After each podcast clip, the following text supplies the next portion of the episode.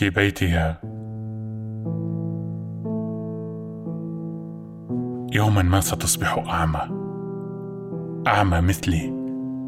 ستجلس في مكان ما. ذرة ضائعة في الفراغ. في الفراغ إلى الأبد. وفي القمة. ذرة في القمة. مثلي. يوما ما ستقول تعبت. أريد أن أجلس. وستجلس. ثم تقول لنفسك أنا جائع. سأنهض وأحضر طعامي. لكنك لن تنهض. ستقول لنفسك أخطأت في جلوسي. ولكن بما أني جلست فلأجلس مدة أطول ثم أقوم بعدها وأحضر طعامي.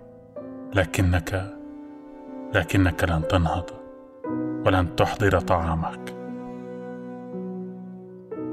ستنظر قليلا إلى الجدار ثم تقول سأغمض عيني سأنام ربما قليلا. وبعدها تتحسن الأمور. تغمض عينيك.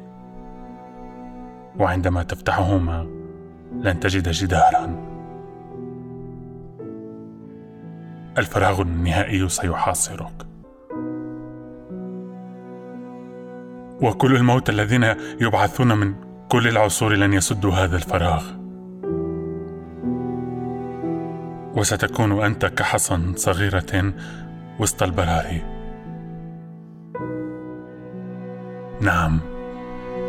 يوما ما ستذوق ما أنا فيه. ستكون مثلي. والفارق إنه لن يكون معك أحد.